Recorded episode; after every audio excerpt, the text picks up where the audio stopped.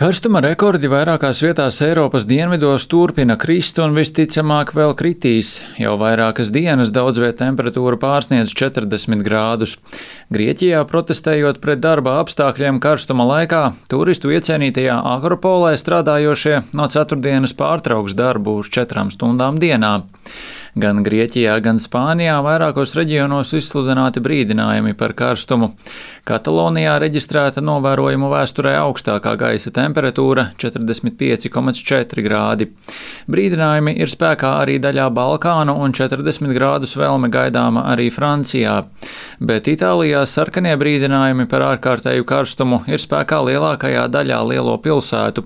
Šie brīdinājumi nozīmē to, ka karstums rada draudus veselībai visiem, nevis tikai tikai riska grupām. Sagaidāms, ka šodien gaisa temperatūra Itālijā sasniegs maksimumu. Itālijai piedarošajās Sardīnijas un Sicīlijas salās atkal valdīs karstākie laikapstākļi, temperatūrai sasniedzot 46 vai 47 grādus. Eiropas karstuma rekords ir 48,8 grādi, kas tika reģistrēts 2021. gadā Sicīlijā. Itālijas mediji lielo karstuma vilni, kurš pārņēmis valsti, dēvē par Setimāna infernāla jeb Elles nedēļu.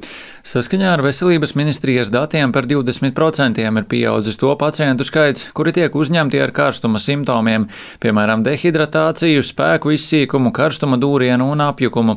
Pacientu pieaugumu apstiprina arī Itālijas vidienē esošās Foģas pilsētas slimnīcas pārstāve Paula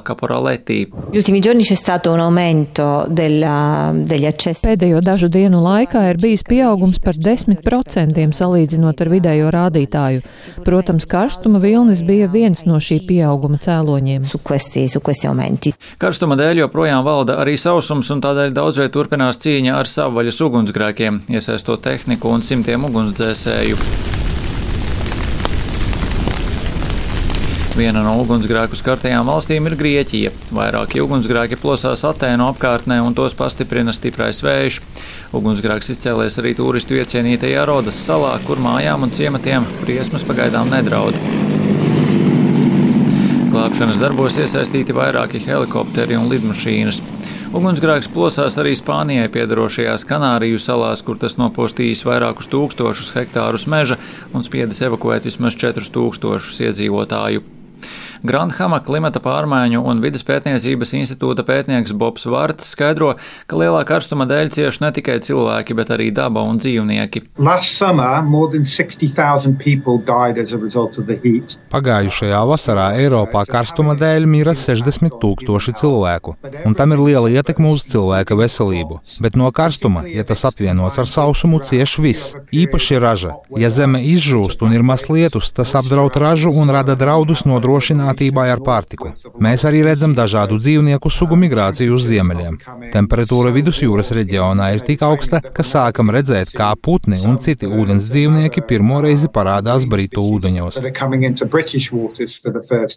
Pasaules meteoroloģijas organizācija brīdinājusi, ka karstuma vilnis Eiropā var turpināties arī augustā. Rihards Plūme, Latvijas radio.